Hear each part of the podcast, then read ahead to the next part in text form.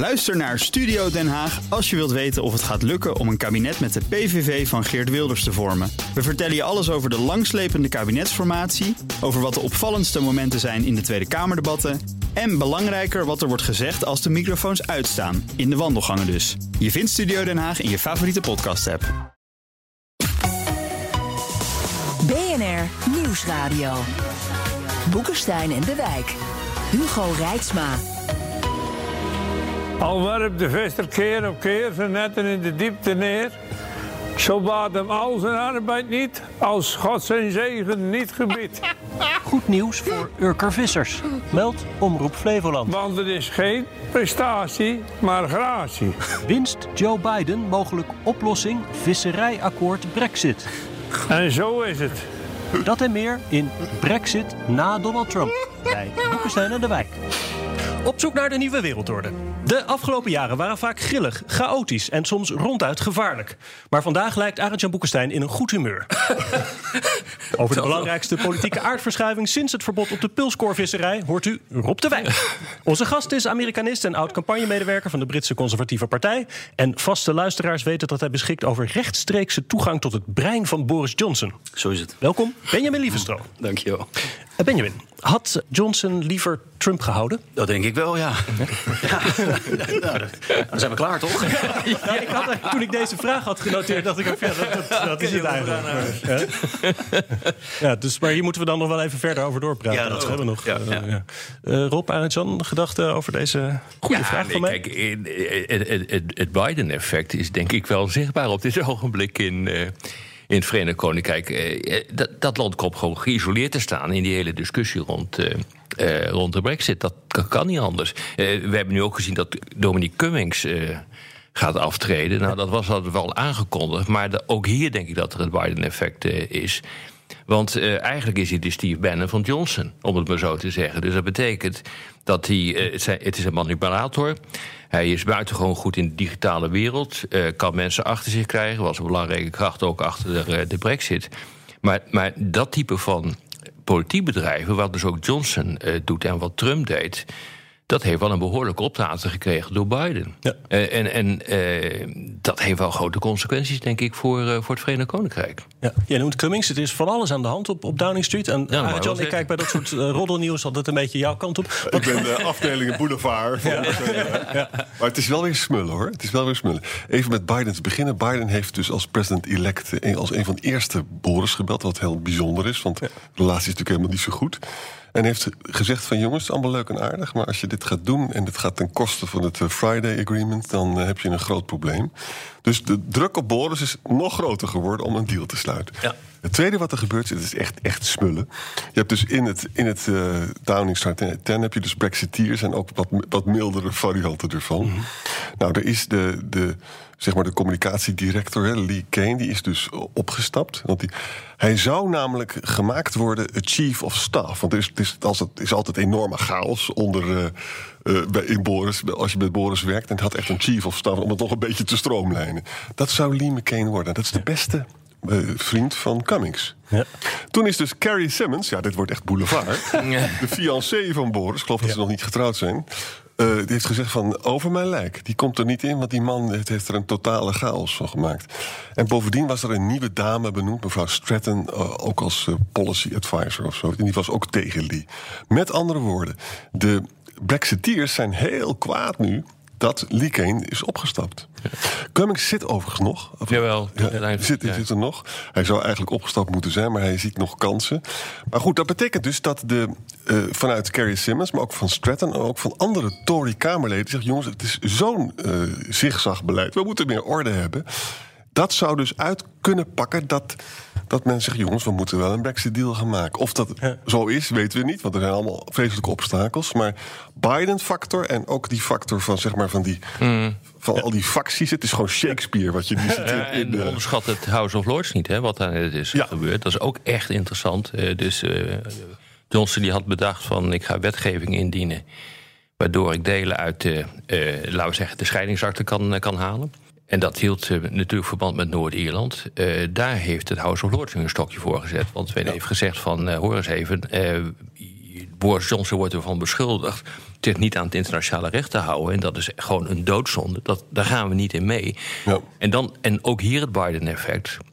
Eh, Boris Johnson kon dat doen omdat hij zag dat eh, grote boer Trump feitelijk hetzelfde deed. Ja, dat was En die die- hield zich ook niet aan de Dat internationale market bill. Dus, eh, dat was dus een schande, dat wat, wat Boris daar gedaan had. Heeft de Senaat heeft dat dus afgestemd. hè? deze week, hè? Ja. En nou is er dat iets is- nieuws. Nee, het House of Lords. Sorry, de House of Lords. Ja.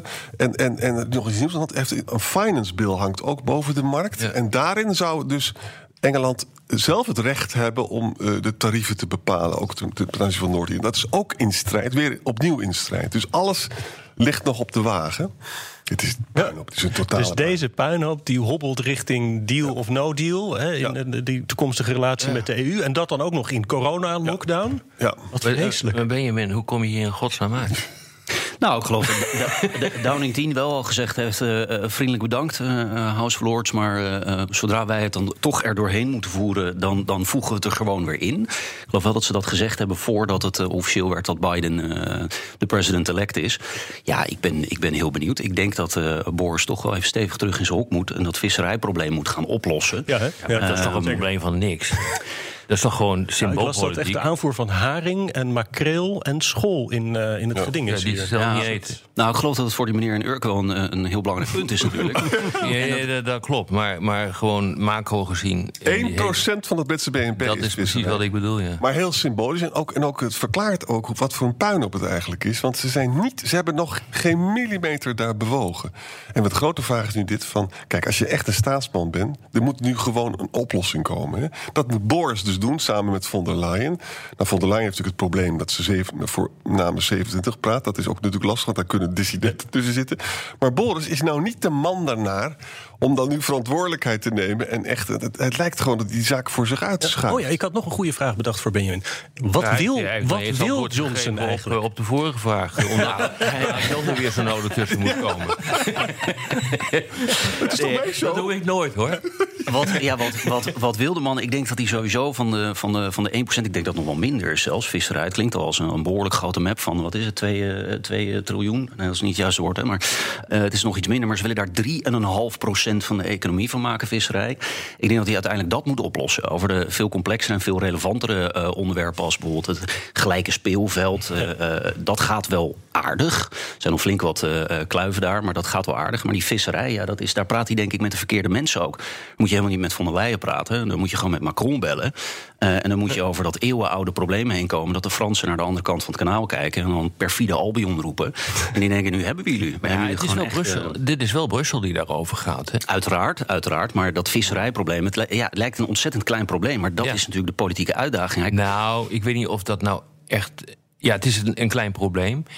Maar er is natuurlijk één probleem dat veel belangrijker is. En dat is bijvoorbeeld de hele discussie over staatssteun aan Britse bedrijven. Ja. Eh, En om ervoor te zorgen dat dat niet een eiland eh, wordt waarvan je, eh, waar, waar- waarvanuit je van harte lust kunt gaan dumpen met allerlei goedkope spullen in, in Europa. Dat, dat is wat men absoluut niet wil. Ik Dat heeft ook met het gelijk speelveld te maken, Dat, ja, Ja. dat is gelijk speelveld. ja, zeker. En, en dat Ja. gaat hij niet winnen hoor. Dat is onmogelijk. In mijn optiek. Daar is niet jij? zoveel tijd voor. En, en dat betekent als hij Nou, dat, het is niet eens een kwestie van tijd. En, en als je dat dus niet wint, want ik denk, ben, denk inderdaad dat de gemeenschappelijke markt, als je toegang moet je aan de regels houden. Dat is gewoon keihard. Hè. Dat, is echt, dat zit overal vast. En Duitsers steunen dat ook, Fransen steunen dat natuurlijk ook, Nederland steunt dat ook. Ja, dan wordt het wel lastig voor Boris, want dan, hij, hij wilde een soort Silicon Valley gaan maken. Ja, dat gaat niet. En bovendien heeft Engeland nog wel de kracht hè, om dat nou echt goed te doen. Om, om, om de, moet je je voorstellen, de Britse universiteiten zijn nu dus, hebben geen Europese toegang meer tot die- al die fondsen. En, en, en als je daar dus echt in Silicon Valley... dan moet je een hoop geld hebben. Dat geld is er niet, want hij moet ook de infrastructuur gaan verbeteren. En hij moet die mensen die, die, die, die nu voor hem gaan stemmen in het noorden... moet hij ook allemaal dingen voor gaan doen. Dus het is wel... Het is allemaal zo utopisch, hè? Vind je niet? Het is allemaal zo utopisch. Nou ja, weet je, ik, eh, ik vraag me af wat voor adviseurs ze hebben. Ja, nou ja, in Cummins is er natuurlijk eentje. Maar als je gewoon kijkt welke problemen zowel Amerika als China met de Europese Unie hebben. Ze allebei een handelsakkoord, dan wel een nieuw handelsakkoord in het geval van, eh, van Amerika. Dat hangt ook precies af van dit soort ontwikkelingen waar we het nu over hebben. Niet visserij, maar wel eh, staatssteun, dumping, eh, gelijk speelveld. Die leiders, dat geldt voor Poetin, dat geldt voor Xi, dat geldt voor Trump, die lopen zich allemaal kapot op de Europese Unie. Eh, omdat ja, men krijgt het gewoon niet voor elkaar. Men zit eh, te, te, discussiëren met Brussel, dat is een moloch namens 450 miljoen eh, Europeanen. Ze onderhandelen niet met de afzonderlijke landen. Ze komen er niet doorheen, omdat Brussel natuurlijk als taak heeft om die interne markt te beschermen. En om ervoor te zorgen dat er een gelijk speelveld ontstaan. En om ervoor te zorgen dat bedrijven van buiten die gesteund worden door hun, hun, hun, hun, hun overheid, dat die niet ongeklausuleerd kunnen dumpen hier in Europa. Als het dan niet lukt voor Trump en Xi, hoe komt Johnson er dan achter uh, dat hij denkt dat het voor hem niet zal gelden? Ja. Dat, is toch, dat is toch dat is toch stupide, of ben ik nou gek? Nee, maar heb je helemaal met je eens. En er komt nog iets anders bij. Engeland is zo verweven met die gemeenschappelijke markt. Een kind kan natuurlijk bedenken, als je dan dus de no deal hebt, dat dat heel veel geld gaat kosten. Om gewoon een paar voorbeelden te noemen van. Nee, weer terug naar die gekke visserij. Hè? Wij eten dus de vissen die de Britten vangen. En de Britten eten de vissen die wij vangen. De hele food processing industrie is daar dus op aangepast. Nou ja, als we het uit elkaar gaan halen, dan is het weliswaar waar dat de Britten misschien wat meer vissen in hun eigen uh, continentale plat kunnen gaan vangen. Maar dan hebben ze nog steeds. Maar die moeten ze dan allemaal zelf opeten. Ja, ja. En, dat, en dat gaat dus niet lukken. Maar, maar, maar, maar eigenlijk dan ook, ook hier, dit, dit toont ook weer aan dat je dus gewoon buiten de realiteit staat. En dat het dus ideologie is. Ja, het is een soort Marxisten zijn het. Is dit niet juist dat Biden-effect? Als, ja. als uh, uh, laten we onszelf uh, heel even in een vreselijk gedachte-experiment storten en nadenken over wat er gebeurd zou zijn als Trump het toch was geweest. Ja, dan had hij zich als een, als een, als een klein jongetje met warrig haar achter de president van Amerika kunnen schuilen. Ja. Met een goede deal. En dan had hij wel een fighting chance gehad richting de Europese Unie. Ja, maar weet je, ja, maar tegelijkertijd moet je constateren dat Trump heeft afgezien van een deal met het Verenigd Koninkrijk, omdat hij eerst een deal wilde hebben met de Europese Unie, zodat ja. hij als voorbeeld zou kunnen dienen voor de deal met het Verenigd Koninkrijk. Dat is dus gewoon niet gebeurd, omdat Trump geen deal kreeg. Ja. Omdat hij er gewoon een klerenbende heeft nee, gehad. En uh, eigenlijk uh, de commissie zijn middelvinger heeft opgestoken in de richting van Trump. Toen ze trouwens nu weer hè, met, uh, de, met de sancties die deze week zijn opgelegd aan het adres van de Verenigde Staten, die bijvoorbeeld met de staatssteun die Amerika verleend heeft aan Boeing. Ja. Uh, en dus wordt er gewoon gestraft. Dat is toch echt heel bijzonder hoor, wat hier uh, gebeurt. Ondanks Biden, de Europese Unie doet het gewoon. De Unie is ook kei en keihard geworden. Ja. En die heeft echt zijn macht ontdekt, onder andere door die coronacrisis. Dat is wel echt interessant hoor, wat hier gebeurt. Ja. Boeing en Airbus zou je tegen elkaar kunnen wegstrepen. Hè? Want ja, maar dat, dat wilde de Unie. Ja. Dus we hebben dus twee affaires. Staatssteun van de Europeanen aan, aan Airbus... en staatssteun van de Amerikanen aan, aan Boeing. Uh, nou, dat mag dus volgens de WTO-regels uh, niet. Nou, al die beide zaken zijn verloren. En Europa wilde dat tegen elkaar wegstrepen. En Trump heeft gezegd: no way, dat gaan we niet doen. Dus, en dat heeft ertoe geleid dat ondanks buiten er gewoon nu ook sancties worden afgekondigd in de richting van, van Amerika. Ja. Maar je, je, ziet dus dat die Unie een keiharde speler is geworden. Waar gewoon niet mee te spotten valt. He, daar, zijn, daar zijn Trump, Poetin en Xi achter gekomen. En en gek genoeg wil Boris Johnson daar maar niet achter komen. Benjamin, denk je dat dus een deel van het Biden-effect dan ook maakt dat Johnson nu nog voor een snel akkoord moet proberen te gaan voordat 31 december de overgangstermijn afloopt? Volgende week moet er een akkoord liggen. Ja, nee, dat, ik, ik, ik denk het niet. Ik vrees het niet, uh, zou ik bijna moeten zeggen. Um, uh, hij heeft zich natuurlijk ook al die tijd in die, in die rare strategieën uh, gewerkt dat hij zich achter. Hij, hij, was afhankelijk van Donald Trump. Nou, ik denk dat het niet heel verstandig geweest is om jezelf daarvan afhankelijk te maken. Hm. En nu staat hij er helemaal alleen voor. Uh, met, met erg weinig tijd en een paar hele grote onderwerpen. Maar hij heeft altijd al de insteek gehad dat een no-deal ja, niet een heel slecht resultaat zou zijn. Hè. Daar komen ze wel uit. Uh, en hij moet die, die illusie niet alleen in zijn eigen hoofd, maar ook uh, op Downing 10 en in de rest van, uh, van, van het hele kabinet. Ja, die moet hij in één keer een hele andere kant op sturen. en wel zo'n kant dat, er een, een, dat ze een deal moeten gaan accepteren. die helemaal niet zo goed lijkt voor het Verenigd Koninkrijk. Het wel is, maar het in ieder geval niet lijkt. ja, ik denk dat dat, een, dat, dat onoverkomelijk is. Ja, wat er ook nog bij komt, je leest de gekste percepties van mensen. Van, kijk, de echte Brexiteers die zeggen nou van heel cynisch van oké, natuurlijk we gaan voor een harde deal. Want met een zachte deal krijgen we toch allemaal litigation en zo, weet je wel. Dat, dat moeten we ook niet hebben.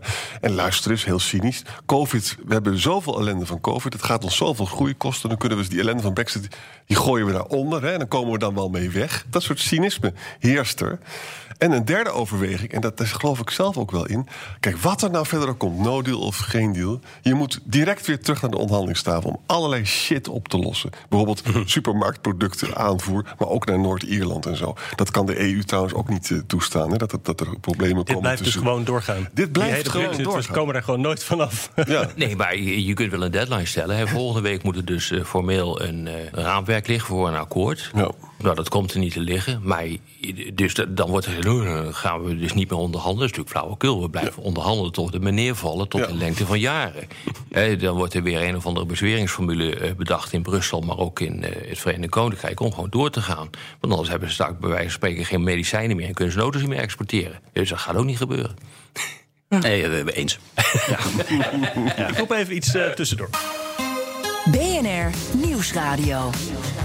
Boekenstein en de Wijk. Op zoek naar de nieuwe wereldorde. Dit is Boekenstein en de Wijk. En dat programma is natuurlijk niet zonder Arend-Jan Boekenstein en Rob de Wijk. Mijn naam is Hugo Reitsma en onze gast is allround anglofiel Benjamin Lievestro. Je vergeet Hugo Reitsma te noemen in het rijtje. Heb ik mezelf niet. Ehm, een, een van de ehm, grote verschillen tussen Trump en Biden is natuurlijk niet alleen hoe ze naar Brexit kijken, maar ook hoe ze naar Brussel kijken. Is, wordt die, die band. eh, hier moet een intelligente vraag komen, maar ik dacht, ik gooi het even op een andere. Ja. een andere boek. Ehm, als. eh, ehm, weet ik veel. Laten jullie maar even verder. Je bedoelt gewoon te zeggen dat Biden zal dus pro-Europese zijn dan Trump. Dat is Oké. een verschil. Hè? Ja. Maar het probleem wat erachter zit, is, is wat, waar we het vorige week ook heel kort over hadden, is dat er is ook continuïteit. Er zijn natuurlijk gewoon spanningen tussen Amerika en, en Europa. En een van de dingen die ik zelf gewoon bloedinteressant vind, is dus dat Duits-Europa, dus Du- Du- Du- Duitsland kijkt echt naar de Europese Commissie. En Duitse belangen in China zijn heel groot. Dus er zijn scenario's denkbaar als Biden niet in staat is om samen met Europa op te trekken, omdat Duitsland meer voor China kiest vanwege die economische belangen. Dan hebben we dus toch een nieuwe wereld met heel veel spanning. Dus mijn idee is dat er toch heel veel continuïteit ook zal zijn. Ja, ja, ja maar je, moet- je moet wel kijken echt naar, naar, naar de cijfers. Eh, ja, Boer Koekoes zei ooit in de Tweede Kamer... cijfers, cijfers, ik eh, wil naar de feiten kijken. maar in, in dit geval, in dit geval is het wel belangrijk om ook even naar de cijfers te kijken. Kijk, de export eh, van Duitsland naar China is minder dan 10% van de totale exporten. De exporten naar Amerika zijn veel en veel groter. Nee, ik heb het nagekeken. Het, is, het verschil is nog maar on- ongeveer 90 eh, naar China en dan 105 naar Amerika. Ja, En naar China neemt Maar het, het- toe. En naar Amerika slinkt het vanwege de shit van Trump. Ja, nee, dat is absoluut, dat Ja. is absoluut waar. Maar het hele probleem zit hem erin. eh, dat als je zo ver weg handel gaat drijven, dan worden de transactiekosten heel erg groot. Dan wordt het gewoon heel erg duur. En dat lukt dus niet. Eh, dus eh, je, je drijft handel vooral met de landen in je eigen omgeving. En Ja. daar gaat gewoon by far de bult naartoe. Dat geldt ook voor het Verenigd Koninkrijk. 50% van de handel wordt met Europa gedreven. Ja. Eh, dus die- die- die- ver weg is geen alternatief. Da- da- dat is denk ik het, het grote probleem. En dat geldt voor Amerika, maar dat geldt zeker voor, voor China. Dat is gewoon te ver weg. Ja, maar het is wel interessant dat de Duitse export dus naar China in de toekomst groter zal zijn dan die Duitse export naar Amerika. Dat is toch een andere wereld? Dat is het zeker. Ja. Dat is een andere wereld. En dat gaat gevolgen. Maar dat wordt niet 50%. En dat wordt ook zelfs niet 20%, voor zover we dat nu kunnen uitrekenen. Dat, blijft, dat, dat zal misschien nog een paar procent kunnen groeien, maar dan houdt het ook gewoon op. Maar, maar, maar dat argument heb je gelijk in. Ik bedoel, En ik vraag me af of het trouwens zo is. Omdat eh, wat je nu ziet in China is dat de loonkosten worden zo hoog. Dat, je, dat het, eh, het hele begrip van reshoring begint nu weer eh, op te komen. Oftewel het uitplaatsen van bedrijven uit China naar, naar andere landen. Ja. Interessant genoeg wordt het belangrijk om bedrijven uit te plaatsen weer naar Amerika. Om als wat eh, te noemen. En wat je ook ziet is dat de Chinezen krijgen dus een hoger loon. En dus die eigen markt wordt belangrijker. Hè? En dat zou er kunnen, toe kunnen leiden dat Duitsland misschien minder verkoopt. Maar voor het Verenigd Koninkrijk is dat een ramp als dit gaat gebeuren. Oh ja, daar hadden we het over. Ja, natuurlijk. Ja, ja, ik. Ja, maak maar even een bruggetje, want anders gaat Arik Jan natuurlijk weer helemaal... eh, eindigen we in Timbuktu en daar hebben we ook niks aan. Ik had nog een vraag. ik had nog een vraag. Kijk, Engeland was natuurlijk ook altijd Amerika's vriend in de EU.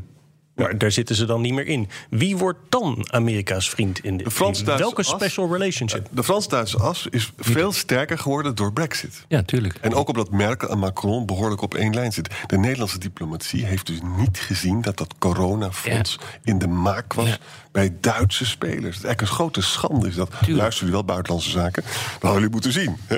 Maar gaat eh, Washington zich dan vooral richten op eh, Berlijn bijvoorbeeld? Of op Parijs? Of, eh, Ja, maar hoor eens, maar Washington richt zich vooral op Azië. Ja. En eh, zal de Europeanen vragen om daarin mee te doen.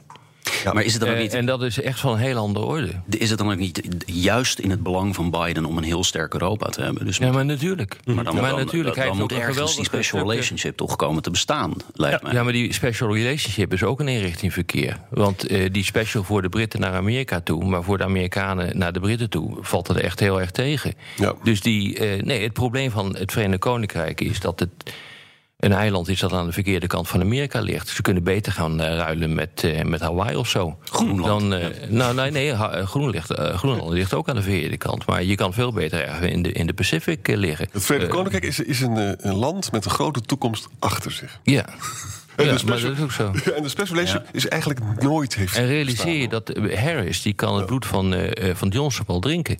Ja. Want die is niet vergeten dat eh, Johnson heeft gezegd... ja, die, eh, die Obama, dat was een vent die hield niet zo van het eh, Verenigd Koninkrijk... en dat kwam door zijn Keniaanse roots. Oh, ja, ja. Dat, is, dat is Harris niet vergeten, hoor.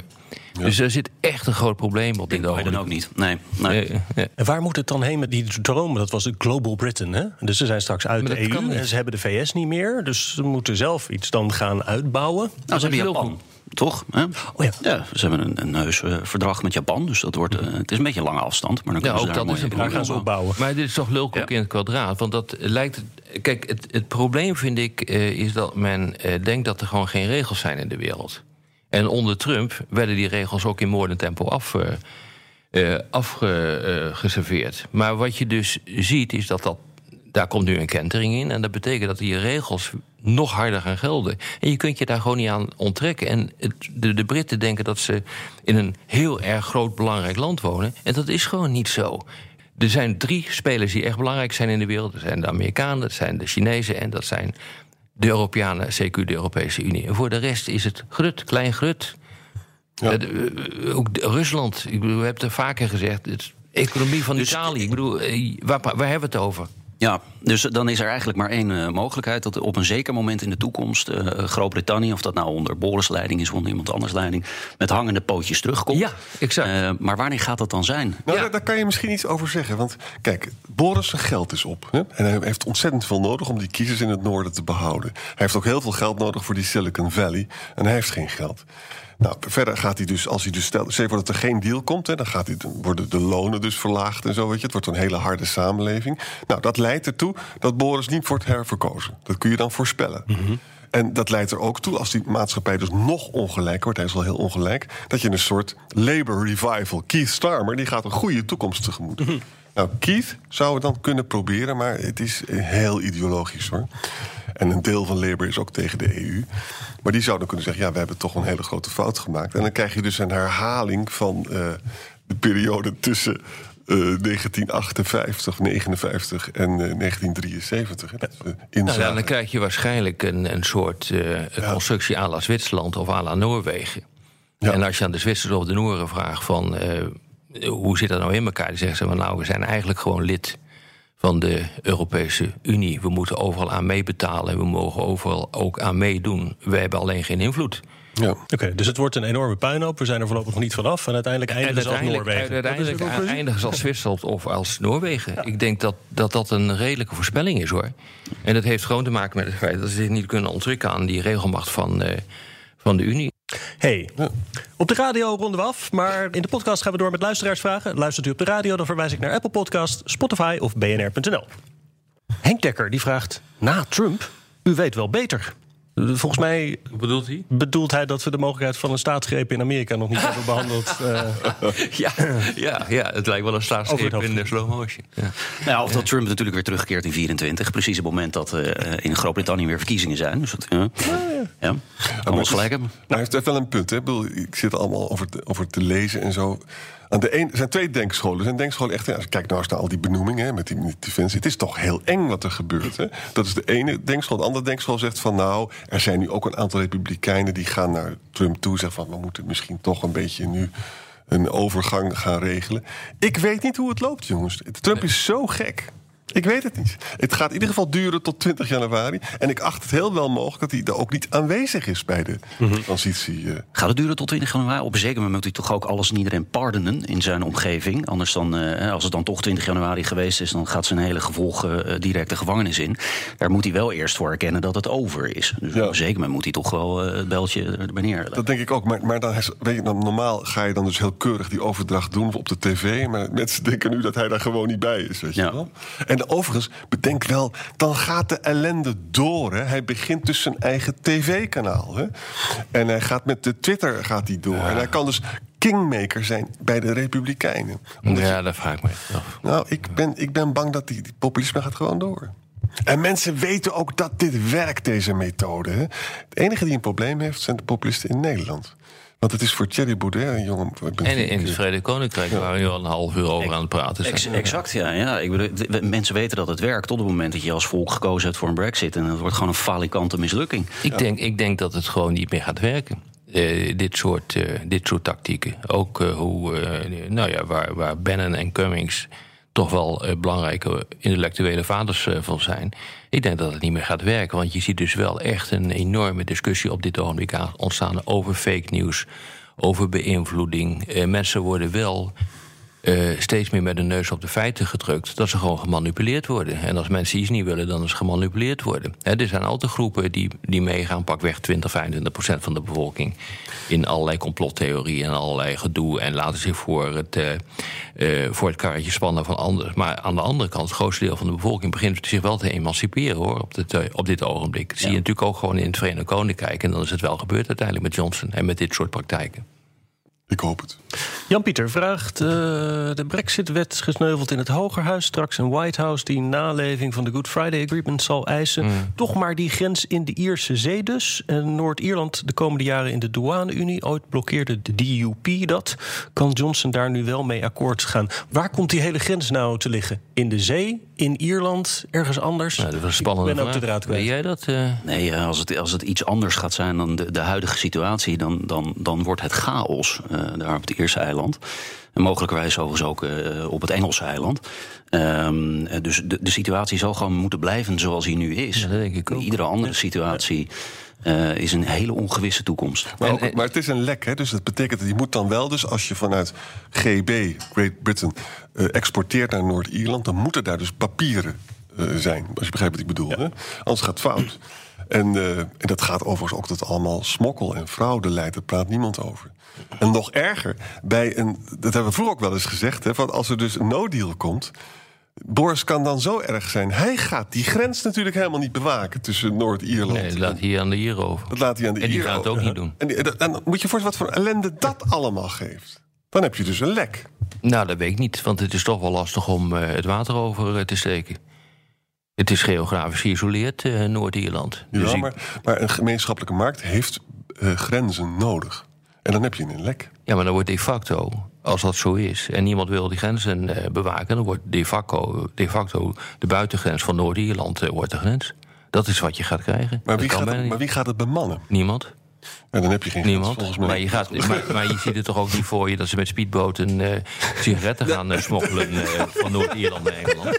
Of whisky. Ik bedoel, dat gaat toch niet gebeuren? Nou, laten we heel eerlijk zijn. Wij leven in een open continent met, eh, zonder grenzen. Eh, en zelfs daar eh, heb je genoeg sigarettenhandel van, van de illegale soort.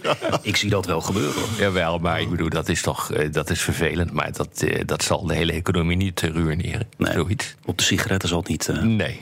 Of met de whisky. gaan. Nee. Robert van der Stel vraagt: Met welke landen zal er in de toekomst een potentiële handelsdeal gesloten kunnen worden? Zal Engeland zich bijvoorbeeld meer op Azië gaan richten? Nou, Japan is dus al genoemd. Ja, dat gaan ze doen. Maar ze mogen pas onderhandelen als er een deal is met. eh, of als ze uit de Europese Unie zijn. Ze mogen nu nog niet. Ze hebben toestemming gekregen om een aantal deals te sluiten. Ja. Van de Europese Maar in januari mogen ze dus. Dan mogen ze, Mogen ze los? Maar de, ja, maar dat kun je wel gaan doen. Maar je kunt ook dan terugvallen op de WTO-regels. Mhm. Dus ik zie dat niet heel snel gebeuren. En bovendien, realiseer je dat het jaren kost om een deal te sluiten. Dan ga je gewoon vijf, zes, zeven jaar overheen. En hier speelt het probleem van je handelt het meeste dus met je neighbors, hè, wat uh, Rob is, dus is waar. Dus met andere je kan wel met Zuid-Amerika allemaal dingen doen, maar, is, maar. Is, maar dan heb je 50% van, ja. uh, ja. 50% van je handel wordt met Europa, Europa gevoerd. En daar zit je grote winst in. Ja, dus dat is een en wat dacht redelijk je op. Je zal maar, je zal en de service-industrie. Ja. Die hebben nu toegang. Hè? Dat gaat er gewoon aan. Praten we ook eigenlijk heel weinig over. Dat ja. betekent dus dat er nog meer banken. Vind je, vind je sowieso niet dat er in Nederland uh, en in Europa, maar laten we Nederland uh, even bekijken, veel te weinig gesproken wordt over wat er nou zou gebeuren als er op 1 januari in. Vroeger was dat nog een onderwerp, als ik een paar jaar terugkijk. Ja. Uh, ik denk dat het ons niet meer interesseert. Ik merk bij mezelf. Ik, ik, denk dat ik merk bij mezelf iets van. Laat het maar gewoon een no-deal Brexit worden. Dan zijn we tenminste van dit gezaar af. En die Britten die merken is, het wel. Is zeg maar Rotterdam er ook klaar voor? Daar hebben ze geloof ik wel extra ja, douaniers mij, aangenomen. Ja, volgens mij zijn, uh, is Rotterdam er wel klaar voor. Het probleem is dat Dover er niet klaar voor is. Nee, nee, nee. dat klopt. Duizenden vrachtwagens. Nee. Het gaat dus om langere wachttijden. ik, ik zit er echt niet meer mee. Persoonlijk zit ik er niet meer mee. Hè. Toen we in het begin hierover zaten te discussiëren... dacht ik van, dit is allemaal heel erg. Hmm. En op dit ogenblik denk ik, we hebben grotere problemen. Corona is een groter probleem. Uh, ik zie gewoon wat er op dit ogenblik gebeurt binnen de Europese Unie. Daar ben ik, uh, daar ben ik wel echt verbaasd over. Hoe hard die integratie op dit ogenblik gaat. Ah, Jan heeft net uh, gezegd. Uh, en terecht dat de brexit de Unie enorm veranderd is. Er is taakverdeling gekomen tussen Duitsland en, en Frankrijk. Nou, ik bedoel, ik vind dat veel belangrijke ontwikkelingen dan zo'n stom eiland wat zich zo nodig moet afscheiden. En dat in de, in de, in de pinari komt. Ik bedoel, ze doen het best maar. Maar Nederland betaalt er een hoge prijs voor. Want wij hebben dus hele grote relaties met Engeland. Ja. Dat is echt heel vervelend. Ja, 10% van onze handel is met het Verenigd Koninkrijk. Maar het leuke is.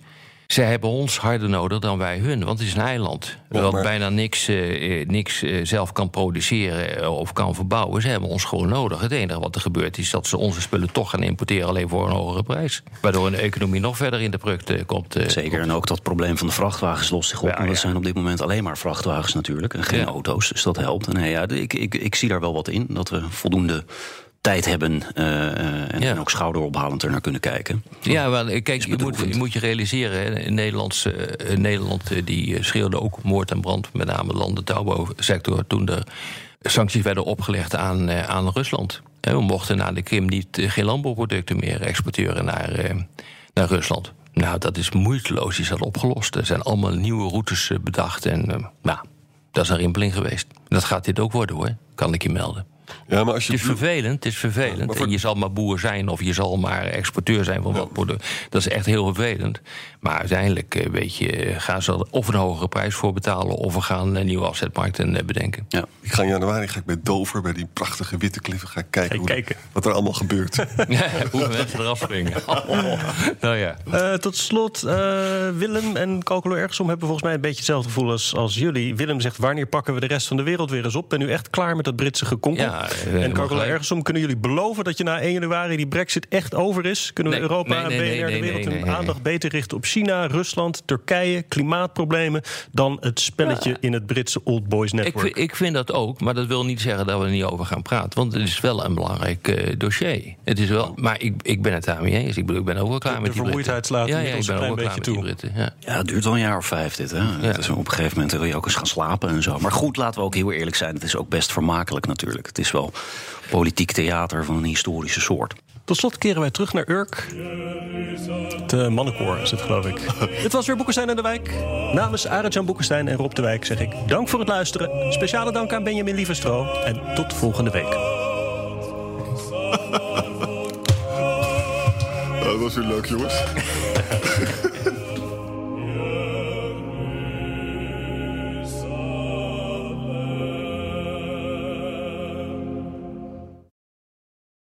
Ook Liesbeth Staats vind je in de BNR-app. Ja, heel handig. Luister live naar Kees en mij tijdens de Daily Move. Dan blijf je ook gelijk op de hoogte van breaking news en het laatste zakelijke nieuws. En daar vind je ook alle BNR-podcasts, waaronder de Perestrooikast. Download nu de gratis BNR-app en blijf scherp.